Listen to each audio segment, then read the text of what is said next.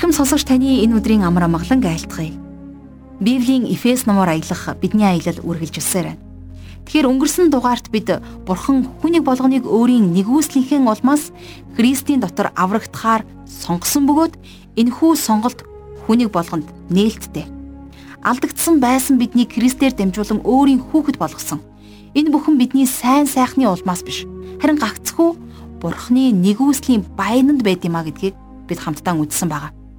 Үнэхээр бидний бурхан эцэг хүнийг болгоныг өөрийнхөө нэгүслийн улмаас Христ дотор аврагдахаар өрөөж дуудсан юм а. Харин түүний авралыг авах хэсэг нь хүний өөрийнх нь сонголт. Тэр биднийг маш их хайрлсан учраас сонгох эрхэнд маань оролцдоггүй гэсэн үг. Бурхан сонголтыг зүгээр л хүнийг болгонд нээлттэй үлдээсэн. А гэхдээ тэр алдагдсан хүүхдүүдээ олж авахын тулд Христээр дамжуулан бидэнд хурж очт юм а. Олон хүн өнөөдөр түүний энэ алхмыг өөрийн сайн сайхныхаа улмаас гэж ойлгодог гэвэл үнэхээр хэлссэн болохгүй байх. Тэгвэл энэ бүх хайр ивэл гагцхүү бурхны нэгүслийн элбэг баянд байд юм а. Тэр бидний Христийн дотор байгаагаар харж өөрийн хүүг хүлээн авдаг шигэ. Бусад алдагдсан хүүхдүүдээ ч гэсэн хүлээн авахд бэлэн байгаа. Үнэхээр гайхамшигтай зүрх сэтгэл гэвэл зөвхөн түүндэл бий. Харин бид зөвхөн энэ л шалтгааны улмаас диваажинд орно. Магадгүй та өнөөдрийн хүртэл андуурч явсан байж болох юм. Олон сайн үйлсийг хийвэл диваажинд очино. Хүн сайн үйлс хийх нь сайн боловч харин бүтээгч эзнээ мэдгүйгээр хизээж диваажингийн хаалгыг олох боломжгүй. Ягаад тэгэхээр бид зөвхөн хайрлагдсан нэгний дотор хүлээн авагдд юм а. Иесус бас нэгэн удаа хэлсэн байдаг. Би бол зам, үнэн, ам юм а. Надаар дамжихгүйгээр хинч эцэгт хүрэхгүй гэж Тэгвэл аврагч эзэн Есүс Христийг таньж мэдхгүйгээр диважингийн үүд халахыг мөнхийн бүтээгч Бурхныг таньж мэдэх боломжгүй гэсэн үг. Энэ цаг мөчид хичээлдээ орхоос өмнө нэгэн онцгой залбирлыг би танд уриалмаар байна.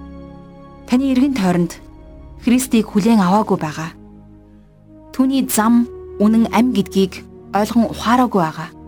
Тэдгээр ах トゥ найз нөхдийнхөө төлөө яг энэ цаг мөчид тэдэнд аврал өгөхдгийн төлөө тэд үнний зөв сонголтыг хийхийн төлөө хамтдаа залбирцгаая. Эзэн бурхан минь таньда талархал өргөн залбирч байна. Энэ цаг мөчид таны үгнээс суралцах цагийг та бидэнд өгсөн учраас баярлалаа аваа. Их эзэн минь энэ цаг мөчид онцгойлон бид ариун сүнсээр удирдуулан таны өмнө бид гуйлд залбирлаараа очиж байна. Яг энэ цаг мөчид бидний эргэн тойронд байсаар байгаа бидэнд хамгийн их тусалж биднийг дэмждэг биднийг хайрладаг хэрнээ харин аава аврагч таныг таньж мдээгүй байгаа. Тэдгээр аав ээж ах дүүсийнхаа төлөө, найз нөхөд, хамт олонныхоо төлөө, бидний эргэн тойронд байдаг тэрхүү дотн хүмүүсийнхаа төлөө энэ цаг мөчид санаа нэгдэн залбирч байна. Тэдний зүрх сэтгэлд та нутаглах болтугай. Тэдний ам хил таныг аврагчаа гэж хүлээн зөвшөөрч, тэдний зүрх сэтгэл өөхөкстээс өөрийг нь амьлуулсан гэдэгт тэд зүрхэндээ итгэх болтугай. Эзэн минь тэд таныг олох болтугай. Тэдний зүрх сэтгэл танд итгэлийн өчлийг өчөх болтугай гэж бид таны авралын моторт хайртай дотны бүхий л хүмүүсээ даатхан залбирч байна. Эзэн үргэлжлүүлэн өнөөдөр судлах хичээлийг эхнээс нь дуустал сонсох боломжийг та хүнийг болгонд гаргаж өгөөрэй. Эзэн бурхан минь танд талархал өргөж бүх зүйлийг таны мотор даатгаж эзэн Иесусийн нэрээр залбирanгуйч байна. Амен. Ингээд хамтдаа жаргалах шиг хичээлд анхаарлаа хандуулцгаая.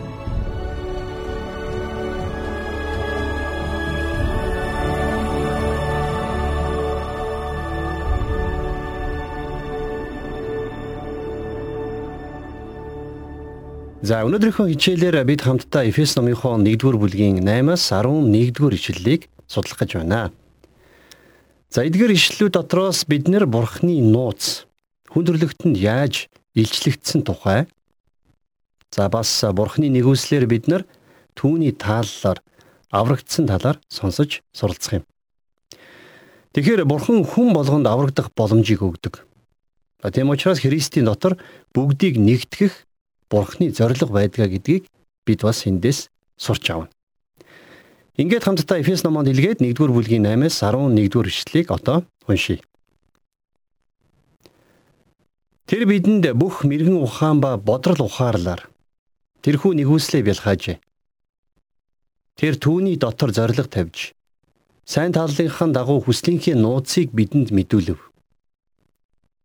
Энэ нь цагийн дүүрлийг гүйцэтгэхийн тулд тэнгэр дэх юмс ба газар дээрх бүх юмсыг Христ дотор нэгтгэх зорилго байжээ. Бас бүх юмсыг хүсэл хийгээд шийдвэрээрэн үлддэг түүний зорилгын дагуу урдаас тогтоогдсноор бид Христэд өвлөгч болсон гэсэн байна. За энэ дээр өгүүлж байгаа нууц гэж яг юу вэ? За энэ бол мэдээж Есүсийг хэн алсан болоо гэсэн асуултыг тавиад дараа нь нууцын тайлах гэж гайхан алмаардаг ямар нэгэн адал явдалт юм уу эсвэл детектив зохиол биш. Харин энд яригдж байгаа нууц гэдэг нь бол тодорхой нэгэн цаг үеийг хүртэл илчлэгдээгүй. А тэгээд цаг нь болоход бурхны илчилж байгаа зүйлсийг хэлж байна. Шин гэрэн дээр нууц үргэлж дараах хоёр шин чанарыг агуулсан байдаг. За нэгдүгээрт хүнээр биш зөвхөн бурхнаар илчлэгдэх боломжтой нууц гэж бий. Харин хоёрдугаарт хамгийн зөв цаг үед илчлэгддэг. За шинэ гэрэн дээр яг нууц гэсэн 11 зүйл гардгийг. Тэгэхээр би одоо доор энэ 11 зүйлийг сэрүүлэн дурдъя. За Тэнгэрийн хаанчлалын нууц Матай 13-ын 3-аас 50 дээр. За энэ цаг үед Израильчуудын сохорсон тухайн нууц. Энэ бол Ромын 11-ийн 25 дээр. За эцсийн цаг үед ариун хүмүүс хэрхэн өөрчлөгдөх талаарх нууц. За энэ бол 1-р Коринтын 15-ын 51-ээс 52. За 1-р Тесалоникийн 4-ийн 13-аас 17. Евдэчүүд ба харин үндэстнүүдээс бүрдсэн нэг буюу за шинэ гэрээний үеийн чуулганы нууц. За Эфес номын 3-ийн 1-ээс 12, Ромын 16-гийн 25, за Колосай номын 4-ийн 3 дугаар ишлэлдэр энэ тухай гардаг. За 5 дугаарт нь Христийн сүд бүсгүй болох чуулганы нууц гэж бий. Энэ бол Эфес номын 5 дугаар бүлгийн 23-аас 32 дугаар ишлэлдэр байгаа. За 6-ад нь Христийн дотор амьдрах тухай нууц. Галаад 2-ын 20.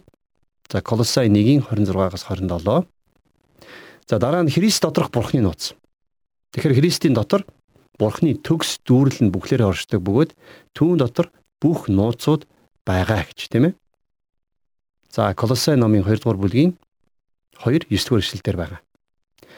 За 8 дугаарт нь Бурхны дүр төрх хүний дотор сэргээгдэх үйл явцын нууц гэж бий.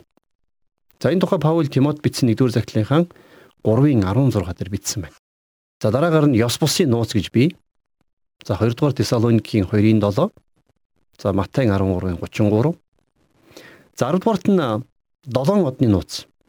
За энэ бол Илчил номын 1-ийн 20 дугаар ишлэл дээр байдаг. За тэгээд эцэст нь 11-р нууц нь болох Вавилоны нууц. Илчилт номын 17 дугаар бүлгийн 5 7 дугаар ишлэлдэр энэ тухай гардаг. За тэгэхээр эдгээр жагсаалтуудад дурддагдсан нууцудаас гадна Бурхны та бидэнд хийлж илэрхийлээгүй маш олон зүйлүүд байдаг. А гэхдээ хамгийн гайхамшигтай нэгэн өдөр Бурхан энэ бүгдийг өөрт нь итгэгч хүмүүст илчлэх юм. Тэгэхээр Бурхан ямар нэгэн зүйлийг бидэнд өмнө нь илчлээгүй байсан болвол харин одоо илчилж байна. Хуучин гэрээнд илчлээгүй гайхалтай сайхан зүйлсийг Бурхан шин гэрээнд илчилсэнийг эдгээр ишлэлүүдээс бас харж болохоор байна. За Эфесийн 1-р бүлгийн 8 9-р ишлэлүүдийг илүү тодорхой болгохын тулд дахиад нэг уншийе. За ингэж бичсэн байгаа тийм ээ. Тэр бидэнд бүх мэрэгэн ухаан ба бодрол ухаарлаар тэрхүү нэгүслээ бэлхаажээ. Тэр түүний дотор зориг тавьж сайн талынхаа дагуу хүслийнхээ нууцыг бидэнд мэдүүлвэ гэсэн байна. За хэрвээ мэрэгэн ухаан бас бодрол ухаарлаар гэдгийг анзааран харах юм бол яг үнэндээ энэ нь 9 дэх ишлэлд хамааралтай байдаг. Тэгэхээр бурхны хүслийн нууц гэж яг юу вэ? За таны миний амархан ойлгож чадахгүй. Заримдаа бүр огт ойлгох боломжгүй бурхны гайхалтай гүн гүнзгий зүйлс мэрэгэн ухаан гэж байдгийг. Тэгэхээр эдгээр нууцуудыг болвол бид нэр өөрсдийн ухаанаар ухаж ойлгох боломжгүй. Харин бурхан л тэдгэрийг бидэнд илчилж харуулж өгөх боломжтой. За тэгэхээр бурхан өөрийн нууцыг хүн төрлөختөнд янз бүрийн үед за бас бүлэг хүмүүст янз бүрээр илчилсэн байдаг. Та бодоод үзтээ бурхан ямар нэгэн зүйлийг тодорхой цаг хугацаанд нь хийдгээ гэсэн үг. За жишээлх юм бол Бурхны Адам зориулсан төлөвлөгөө нь надад болон танд хандсан төлөвлөгөөнөөс өөр гэсэн үг тийм ээ. За Бурхан Адамд нэг янзаар хандсан байхад харин бидний хүн нэг болгонд өөр өөр байдлаар ханддаг гэсэн үг. Харин Бурхан бүх хүн төрлөختнийг аврах нэг л аргыг сидэж хэрэгэлсэн байдаг. Бүх зүйл авралыг гүйцэлдүүлэх ганц л уулзвар дээр ирэх болно. Хуучин гэрээ номон дээр Бурхны тогтоосон зарчмын дагуу Бурханд ойртох арга барил бол өөр байсан. За жишээлх юм бол Абель Бурханд хург өргөсөн. За Авраам ч мөн адил. За хуучин гэрээний бүхэл тахилч нар Бурханд нүгэл гмийн төлөөс болгож хураг өргөдөг байсан. За бурхан болвол хуучин гэрээн дээр энэ аргыг зөв гэж сонгож авсан байна. За харин мэдээж өнөөдөр та ням гарагт хүндтгэлийн цуглаанд очихдоо хураг аваачдаггүй үстэй. Тэгэхээр бид нэр өөр үе буюу шин гэрэний үед өнөөдөр амьдарч байгаа. За дээр өгүүлэгдсэн цагийн дүүрэл гэсэн утга санааг одоо нилээд нухацтай ярилцъя. Тэгэхээр яг цагийн дүүрэл гэж яг юу хэлж байна вэ? За бурхан Христээр Тэнгэр газрыг захируулах тэрхүү цаг хугацаа руу бүх зүйлсийг чиглүүлж байдаг юм. Бүх юмс Есүс Христийн захиргаанд ор ирэх тэрхүү үеийг хэлж байна гэсэн үг. За энэ тухай Еврей номын 2 дугаар бүлгийн 8 дугаар ишлэлийг сөхөх юм бол ингэж бичсэн байгаа. Та бүх юмсыг түүний хөл дор оруулсан. Учир нь бүх юмсыг түүний эрхэнд оруулахдаа эрхэнд нь оруулаагүй юу ч тэр үлдээсэнгүй. Харин идүгэ бүх юм түүний эрхэнд орсныг бид хараахан үзээгүй л байна гэж бичсэн байна. За эндээс харах юм бол нэг зүйлийг тодорхой байгаа үст тийм ээ. Бид нэр тэр цаг хугацаанд хараахан очиагүй байна гэдгийг энд тодорхой хэлсэн байна. Тэгэхээр одоо бид нар Бурхны тогтоосон өөр цаг үед амьдарч байна гэсэн. За тэгээд цааш нь үргэлжлүүлээд бүгдээрээ одоо хүү бурхны буюу Есүс Христийн чуулганд хийж өгсөн гурав дахь ажлыг үздцгээе. За тэгэхээр Есүс Христ биднийг бурхны өв залгамжлалаар шагнасан. За энд бас л нэгэн гайхалтай их чухал үнний тухай гарч ирж байгаа юм. Тэгэхээр Есүс биднийг өв залгамжлалаар шагнасан гэж байна тийм ээ. Та биднийг ямар ч гавья байгуулаагүй байхад бурхан биднийг шагнаж байна. Итгэгчид Христтэй хамт өв залгамжлах гэдэг бол Бурхны бидэнд хандсан туйлын зориг бас төлөвлөгөө гэдгийг ойлгох хэрэгтэй. Итгэгч нар Христийн дотор байдаг учраас Христтэй хамт өв залгамжлагч нар болсон байдаг. Энэ тухай Паул Ромотынд бичсэн захидлынхаа 8 дугаар бүлгийн 17 дугаар ишлэлдэр ингэж бичсэн байна. Хэрвээ бид хүүхдүүд нь юм бол өв залгамжлагчт нь ч бас мөн Христтэй хамт алдаршуулгадахын тулд хэрэг бид үнэхээр түүнтэй хамт зовдгийм бол бид Бурхны өв залгамжлагчд бөгөөд Христийн хамтран залгамжлагчд юмаа гэж. За мөн Коринтотын бичсэн 1-р захидлынхаа 3-р бүлгийн 21-с 23-р ишлэлдэр Паул дэлгэрүүлээд ингэж хэлсэн байна. Бүх юм та нарынх тул хинч хүмүүсээр бүүс хайрхаг. Паулч, Аполч, Кефч, ертөнцч амь хийгээд үхэлж одоо хийгээд ирээдүйч бүгд та нарын хаж. Та нар бас Христих бөгөөд Христ Бурхных мөн гэж хэлсэн байна. Тэгэхээр Бурхны та бидэнд хандсан энэ гайхалтай үгийг хэдийгээр бид нар бүрэн дүүрэн ойлгож чадахгүй ч гэсэн энэхүү гайхалтай үг яг одоо намайг сууж байгаа суудлаас минь дээш өргөж тэнгэрт тултал өргөмжилсэн байна гэсэн үг. Паул хэлсэн байна тийм ээ. Бүх зүйл биднийх. Христ Есүс өөрөө биднийх. Паулч биднийх, үхэлч мөн амьдралч биднийх. Бүгд биднийх. Бурхан бидэнд энэ бүхнийг өгсөн учраас бүх зүйл Христийн дотор биднийх болсон байна. Тэм учраас итгэгч хүмүүс бол үнэхээр Бурханаар эвэгдсэн хүмүүс байдаг. За Бурхан энэ бүхнийг урдаас тогтоосон юм урдаас тогтоосон урдаас зорж төлөвлөсөн гэдэг нь зөвхөн аврагдсан гэдэг ойлголттой хамаатай байдгийг санаарай. Яг үг ихлээр бурхан хэнийг ч хизээч алдагдсан байхаар урдаас тогтоогоогүй гэсэн үг. Бурхан бидний өв залгамжлалыг хүлээн авах боломжтой байдлаар урдаас тогтоосон. Хэрвээ бурхан энийг надад урдаас ингэж төлөвлөөгүй байсан бол би авралыг авах боломжгүй байсан. Мэдээж өв залгамжлалыг хүлээж авах нь зохистой зүйл биш. Яг үг гэхлээр би сайндаа биш харин бурхан сайн учраас надад энэ бүхнийг сайн дураараа өгсөн гэдгийг л та бид нар сайн санах хэрэгтэй. Тэгэхээр энэ болгон бүгдээрээ бурхны хүсэл тааллын дагуу өгөгдсөн байх нь. Яг л энэ шалтгааны улмаас бид нэр бүгдээрээ Христийн дотор бурхны тэр гайхамшигтай өв залгамжлалыг авсан байна. За Христийн та бидэнд хийж өгсөн гурван зүйл юу байсан бэлээ?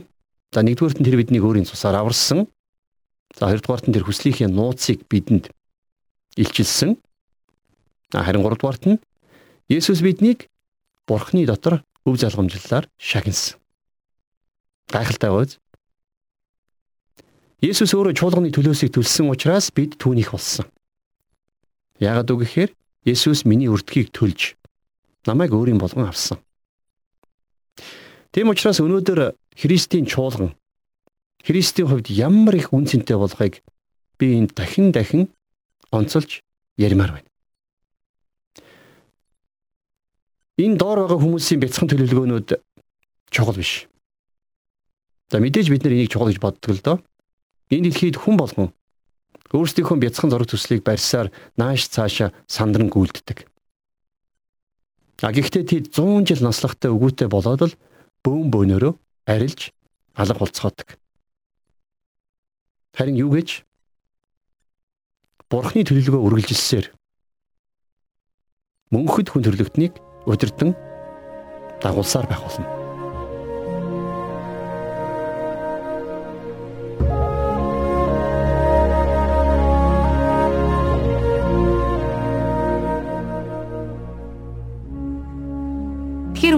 Хичээлээр бид Бурхан Христ дотор Тэнгэрлэг оршуудах алив сайн өрөөлөөр биднийг өрөөс юм а.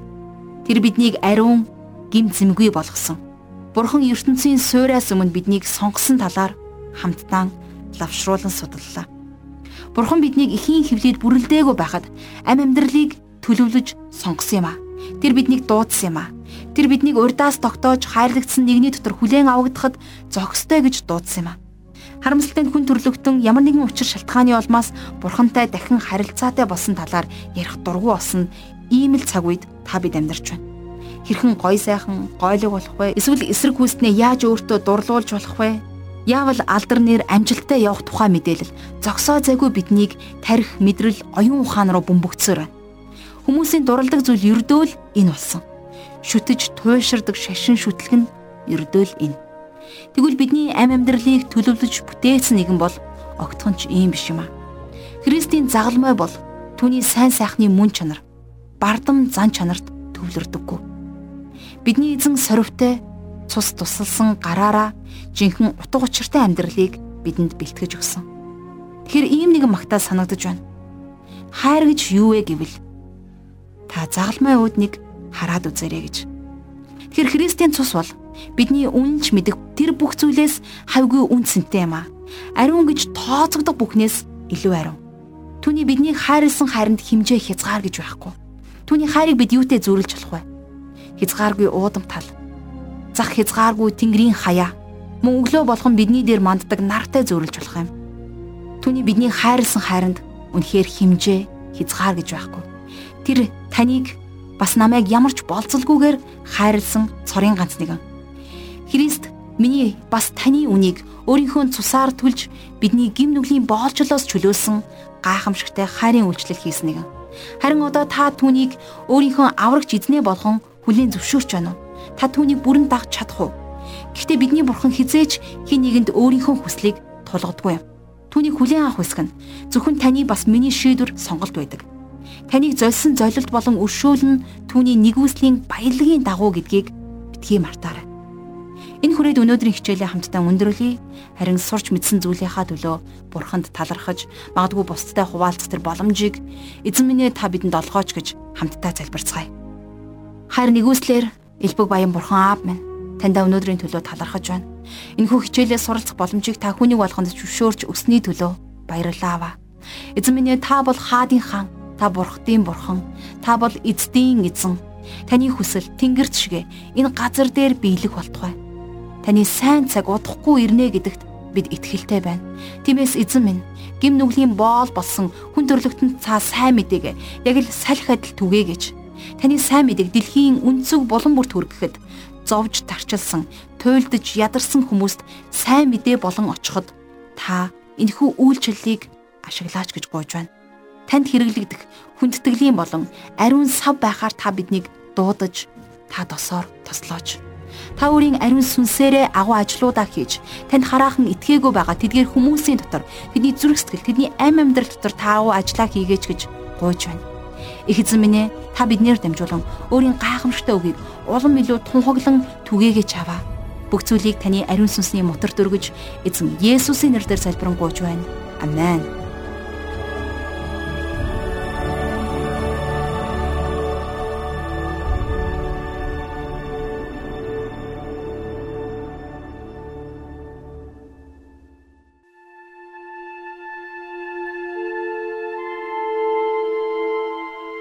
Библийн боловсрол олгох. Библийн хуудасаар нэвтрүүлэг танд хүрэлээ. Нэвтрүүлэгтэй холбоотой санал хүсэлтээ 8085 99 тэгтэг дугаард ирүүлээрэй.